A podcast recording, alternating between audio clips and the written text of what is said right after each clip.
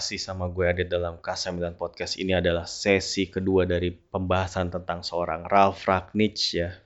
Ini episode yang cukup panjang sepertinya, jadinya gue akan membagi-bagi aja. Uh, tadi kan uh, membagi-bagi per segmen maksudnya. Tadi kan kita di sesi pertama ya itu udah ngebahas tentang karirnya Ragnick, tentang filosofinya, tentang rahasia-rahasianya, dia tuh bisa apa aja gitu. Terus ya bagaimana kiprahnya gitu.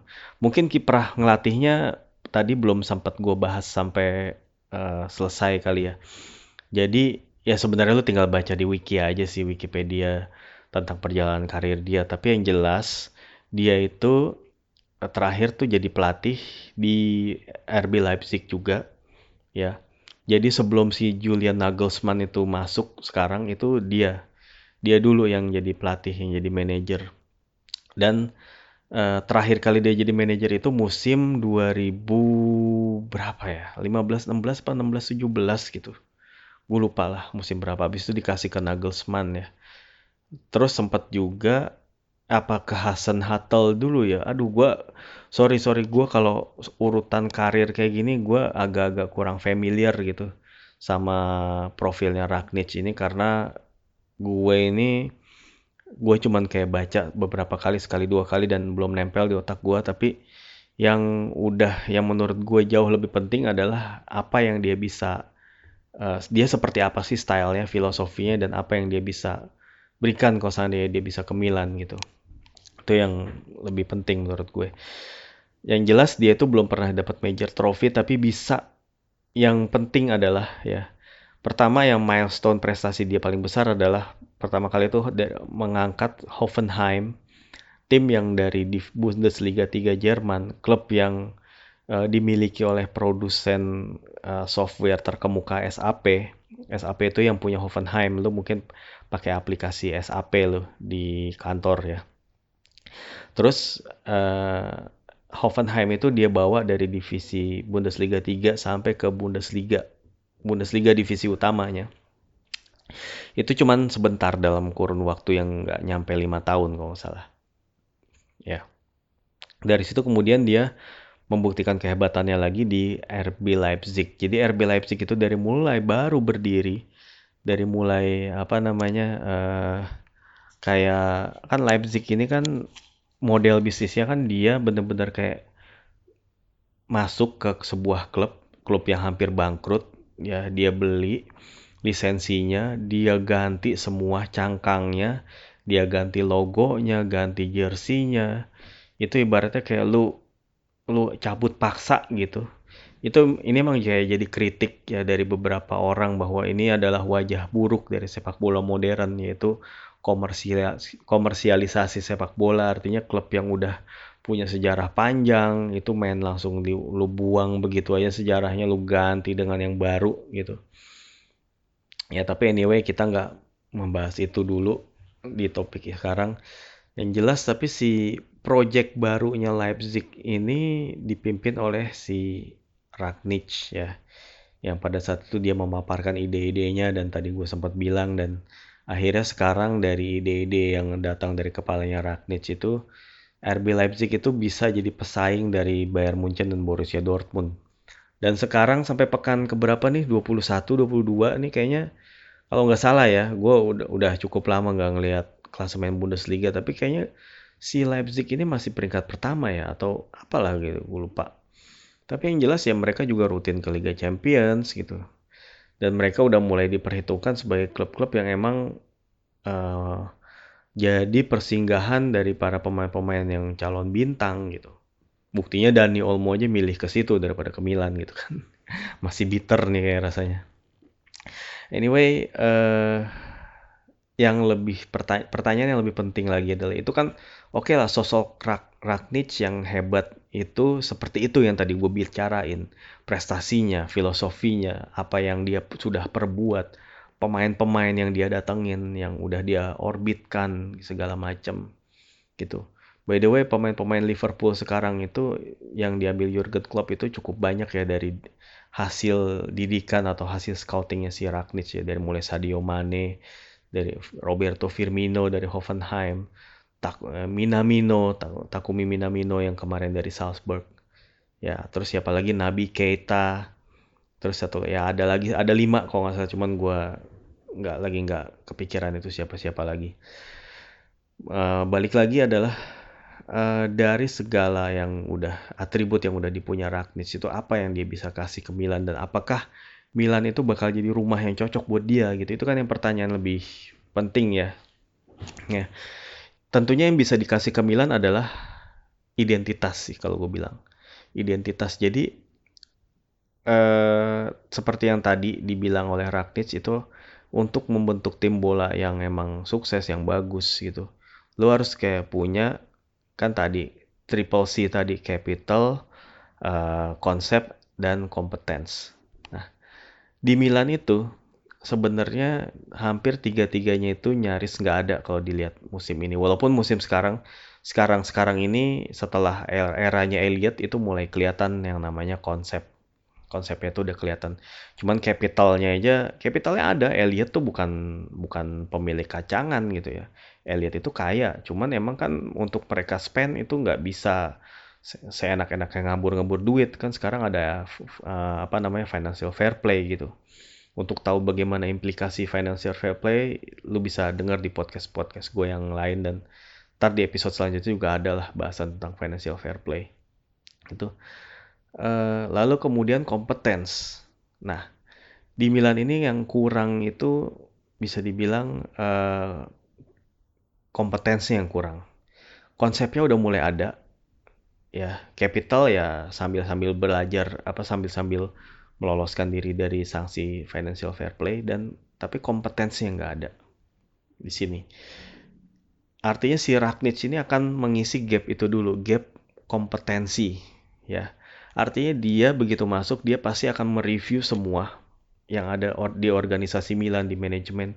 Ini lini yang mana nih yang perlu diubah nih?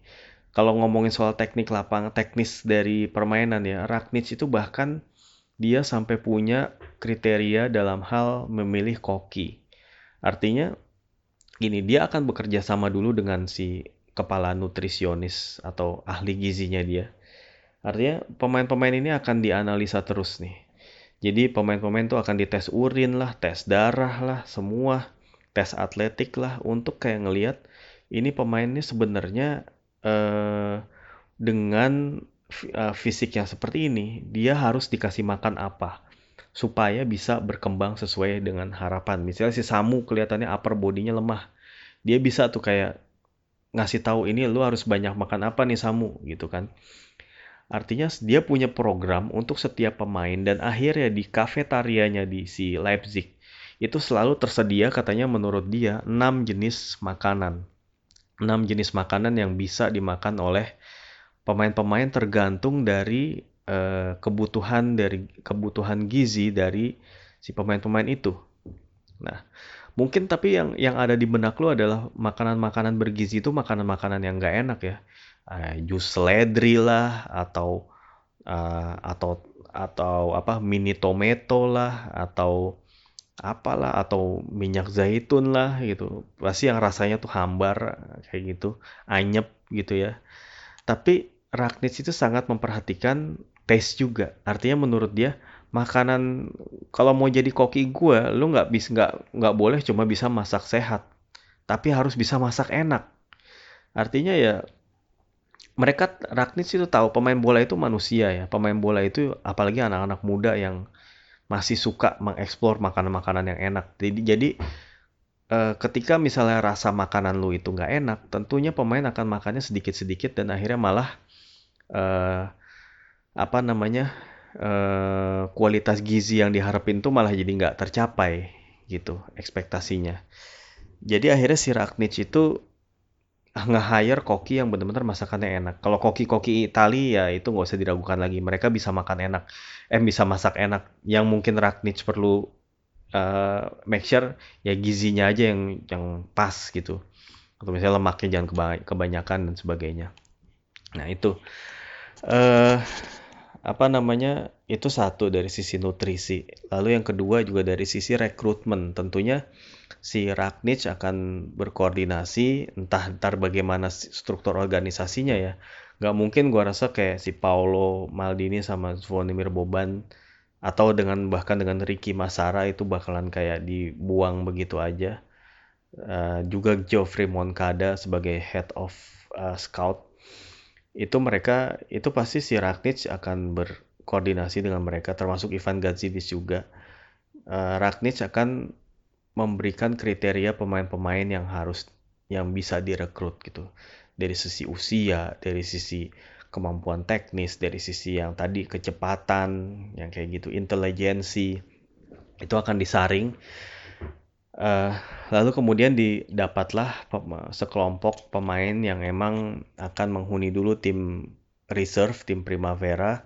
Lalu di tim Primavera itu akan dilatih sedemikian rupa, ya Uh, dan sebelumnya, sebelum daripada itu semua adalah pasti Ragnic akan merumuskan uh, what style of play do you want to do you, do you want to have in this club gitu.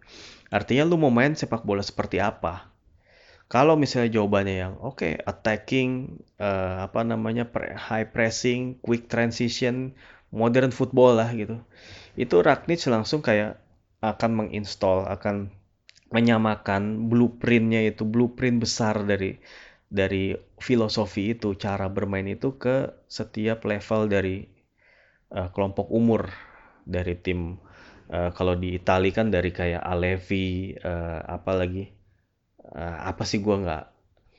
Pulzetti ya Pulzetti Alevi Primavera, Primavera lalu kemudian tim senior lah. Pokoknya itulah kelompok umurnya. Itu si Ragnic pasti akan meng internalisasi akan diskusi panjang dengan pelatih-pelatih yang incas di sana. Set, set, set, set, sampai kemudian idenya itu bener-bener kayak diterapin di semua kelompok umur. Disamain adanya kayak standarisasi atau penyeragaman sehingga pemain-pemain ini tumbuh atau pemain-pemain ini berkembang sesuai dengan kebutuhannya tim senior gitu kan percuma aja kalau misalnya nih di tim U16 pakai pola 4-3-3 attacking. Eh tiba-tiba di tim usia 19 disuruh main counter attack. Lah ntar pemain bingung dong gitu. Nggak boleh kayak gitu. Harus ada kesamaan dulu. Kesamaan visi. Itu yang pertama. Dari situlah kemudian bisa dirumuskan pemain-pemain mana yang cocok. Pelatih-pelatih yang seperti apa yang cocok untuk menangani. Budgetnya berapa. Nah itu. Dari situlah tapi artinya dengan ngedatengin seorang seperti Ragnic, Milan tuh mendapatkan seorang pemikir. Artinya si Gazidis ini mungkin akan dapat kayak uh, orang yang bisa jadi dia akan kontra dengan Gazidis ya karena Gazidis itu kan yang dipikirannya tuh bisnis atau masalah kayak penghematan, efisiensi. Kalau Gazidis kan seperti itu emang dia disuruhnya gitu.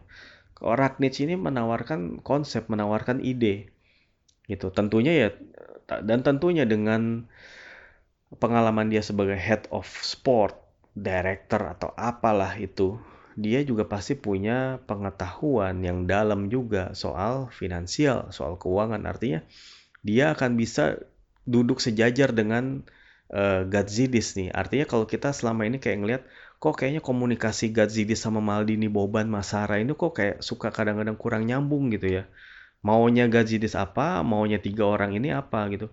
Adanya Ragnic ini akan kayak menjembatani gitu, menurut gue sih. Karena Ragnic itu tahu areanya Gazidis, tahu areanya Maldini Boban, dan bahkan tahu area areanya Pioli.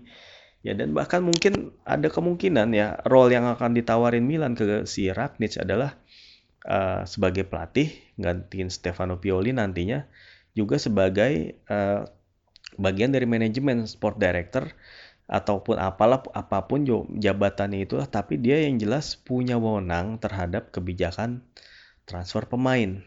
Nah, itulah yang akan diharapin untuk uh, bisa diinstal gitu. Tapi yang jelas Milan udah punya uh, modal untuk untuk bisa menyambut dalam tanda kutip si Ragnic ya. Pertama rataan usia pemain Milan itu cukup muda. 22 apa 20 berapa lah. Dan pemain-pemain yang sekarang jadi spine atau poros dari tim itu juga muda-muda semua. dari mulai Donnarumma di kiper Romagnoli di belakang Theo Hernandez Ismail Benacer lalu kemudian Rafael Leao ini pemain-pemain masih muda masih potensial mas tapi juga kecuali Romagnoli dan Donnarumma ya kayak Benacer, Theo Hernandez dan juga si Leo ini masih banyak banget room of improvement yang pastinya kalau di tangan pelatih seperti Ragnic, Ragnic akan tahu bagaimana how to develop them to be world class player. Itu dan nggak tertutup kemungkinan pula bahwa Ragnic akan mencarikan lagi pemain-pemain yang emang cocok, yang mencocok bermain di mereka uh, sama mereka dengan skema dan segala macam pemain-pemain yang bisa mainin brand football yang dia inginkan gitu. Artinya kita akan baru kalau misalnya emang jadi ya akan ya setelah sekian lama ya akhirnya bermain dengan konsep itu, nggak bermain dengan kayak reak reaktif atau kayak ngedatengin atau ngebeli pemain tuh karena emang oh dia available aja di market ya udah gue beli gitu loh ya gitulah. Artinya Milan ini akan lebih terkonsep ya. Cuman gue kadang-kadang kayak ngerasa apa iya? Kenapa Rak Ragnik mau? gitu. Kenapa dia dia udah nyaman di uh, Leipzig gitu.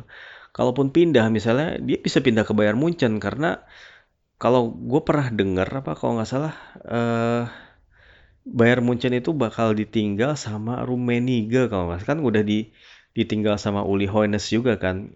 Munchen juga kayaknya bakal ditinggal sama Rummenigge. Artinya legend-legend mereka yang duduk di posisi-posisi strategis di manajemen itu bakal nggak ada. Dan ya bisa aja kenapa nggak bayar Munchen menawarkan Ragnic juga gitu. Misalnya kalau supaya Ragnic tetap tinggal di Jerman atau tetap kayak di klub Bundesliga gitu. Bayar Munchen bisa jadi klub destinasi dia berikutnya. Jadi ya menurut gue emang jangan kayak GR dulu sih bahwa Ragnic udah pasti akan ke Milan gitu karena ya walaupun ini dilaporin sudah dalam advance stage dalam pembicaraan kontrak ya atau proses hiring tapi ya bukan berarti ini udah pasti juga. Gitu. Kita kemarin-kemarin dengar berita Dani Olmo is close to close to joining Milan gitu tapi mana ujung-ujungnya ya jangan terlalu percaya atau jangan terlalu euforia terhadap apa yang diberitain oleh media deh gitu. Karena bisa aja mereka tuh kayak cuma clickbait lah atau benar-benar pure cari sensasi gitu. Ya apalagi ya itu sih yang bisa ditawarin Ragnic ke Milan ya kalau seandainya dia bisa jadi bergabung. Cuman ya gue ya agak-agak gimana gitu sama Stefano Pioli ya. Biar gimana pun Pioli itu udah kelihatan usahanya, udah kelihatan uh, bagaimana dia ngotak-ngatik sistem yang ada, dia terapin di latihan dan akhirnya bisa nemuin yang balance gitu dalam skema yang 4-4-2 ini. Walaupun tetap ada kelemahannya ya ketika kayak Benacer itu absen, Ibrahimovic itu absen itu kayak permainan Milan tuh totally different dan itu ke arah yang negatif yang apa uh, justru musim lalu tuh nggak pernah kejadian gitu tapi ini kejadian. By the way. Uh, apa namanya? By the way tadi balik lagi ke Pioli ini merupakan apa ya gue sih kayak ngerasa dia nggak dia deserve waktu lah gitu. Deserve tambahan waktu karena Pioli itu uh, ngehandle Milan tuh di pertengahan musim lah ya bukan pas awal musim. Pertengahan-pertengahan juga dua bulan yang lalu. Ya tentu dia sebenarnya layak dikasih kesempatan tahun kedua. Tapi rasanya sih ya mungkin manajemen Milan tuh akan terlalu sayang untuk melewatkan seorang Ragnic yang misalnya udah available dianya udah mau uh, tapi ya tiba-tiba dealnya gagal gara-gara uh, apa namanya misalnya Milan mau mempertahankan seorang Pioli gitu. Gue I'm not a hater of Pioli. Gue gue sangat mengagumi hasil kerjanya Pioli gitu dia kerja keras dia menghasilkan uh, Milan tuh kayak posisi klasemen tuh membaik gitu. Pemain-pemain juga tampil bagus, sistem yang dia pakai juga efektif gitu. Tentunya dengan kayak hasil kerja seperti itu tuh layak uh, to get another shot gitu. Cuma kan ya tadi seperti yang gue bilang melewatkan seorang inovator, seorang seorang filsuf sepak bola atau whatever great name you call him gitu itu apa namanya emang sebuah pilihan yang sulit gitu ya. Artinya lu dapat lagi apa kayak ya kayak gitulah. Lu lagi kayak punya karyawan yang bagus nih, yang kerjanya bagus gitu. Tapi eh tiba-tiba di posisi yang sama datang calon karyawan yang profilnya lebih mentereng, uh, track recordnya lebih bagus gitu kan. Artinya kan mungkin kalau di, dikasih kesempat apa dikasih pilihan itu kan akan jadi pilihan yang sulit gitu. Tapi kayaknya sepertinya ya akan condong sih ya akan condong ke Ragnic gitu. Karena itu tadi nggak mau ngelewatin kesempatan besar itu dan mungkin tim ini perlu orang yang bisa kayak sharing kayak gimana punya konsep bener-bener untuk bagaimana nih ngebangkitin tim ini dan kapan itu bisa terjadi gitu. Kayak gitulah. Ya menurut gue tapi ya bukan berarti nggak akan ada halangannya gitu. Mungkin Ragnis bakal kaget ketika datang ke Milan. Pertama soal bahasa kan bahas, dia bisa bahasa Inggris sih tapi kan tetap uh, komunikasi namanya juga klub Italia. Dia harus bisa bahasa Itali gitu ya dan yang namanya komunikasi kalau misalnya nggak jalan itu pasti kayak kebingungan. Ngomong-ngomong soal komunikasi juga kemarin pemain si pemain baru Alexis Salemaker itu kayak cerita gitu. Dia cerita kalau Pioli ngasih instruksi ke dia dengan bahasa Italia dan dia nggak ngerti. Bahkan ketika Pioli nyuruh dia masuk uh, si Salemaker itu bingung aduh gue main di posisi apa nih? Tapi begitu yang ngeli ngelihat yang diganti itu Calabria oh dia langsung tahu oh berarti gue main di posisi bek kanan. Gitu gimana kalau yang diganti itu si Leo ya? Maksudnya dia mau jadi striker gitu. Ya lucu juga sih. Apa emang uh, anyway ya seperti itulah uh, rumor-rumor yang apa namanya uh, bersirkulit beredar di kalangan Milan gitu. Tapi bukan berarti ini bakal uh, udah pasti terwujud gitu ya. Karena ya proses negosiasi kayak gini pasti makan waktu dan pasti gak segampang itu menemukan kata uh, deal gitu ya mungkin itu kali ya. Uh, itu aja yang gua akan bahas tentang Ralf Ragnic artinya ya kalau misalnya emang bisa join ya bagus enggak ya, ya udahlah pasti ada pelatih lain. gitu gue jadi fans kayaknya lemas banget ya. Uh, ya udahlah uh, kurang lebih itu aja mau gue sampein sih. Ini udah cukup panjang episodenya udah dibagi dua pula. Gue juga bakal bingung postingnya kapan gitu. Tapi ya nantilah gue akan uh, lihat-lihat lagi gitu. Gue akan gue akan tunggu kapan episode ini akan dipost gitu saat yang tepat Oke deh, uh, kurang lebihnya mohon maaf ya uh, apabila ada salah-salah kata, salah data, salah informasi yang gue ambil gitu. Dan juga tentunya makasih banget udah setia dengerin podcast ini, podcast sederhana yang monolog yang nggak menarik ini gitu. Uh, anyway ya udah kalau memang ada sesuatu yang mau disampaikan langsung aja langsung mention gue ya di @kasamilanpot ya atau ke akun pribadi gue at aditchenko silakan. Sama aja. Jadi kalau si kemarin lucu juga si Handi Juventini pokoknya Juventini garis lucu dia tuh bilang nanya ke gue Aditchenko tuh lu juga ya? Gue pikir tuh orang yang beda gitu sama Kasamilan podcast. Dia kecele eh ya udah. Uh, oke okay deh Uh, sekali lagi uh, makasih banget ya atas segala atensinya, atas segala waktu yang lu pakai buat ngedengerin podcast ini. Semoga ada manfaatnya, semoga bisa menambah pengetahuan dan oke okay deh uh, tetap rendah hati. Wassalamualaikum warahmatullahi wabarakatuh.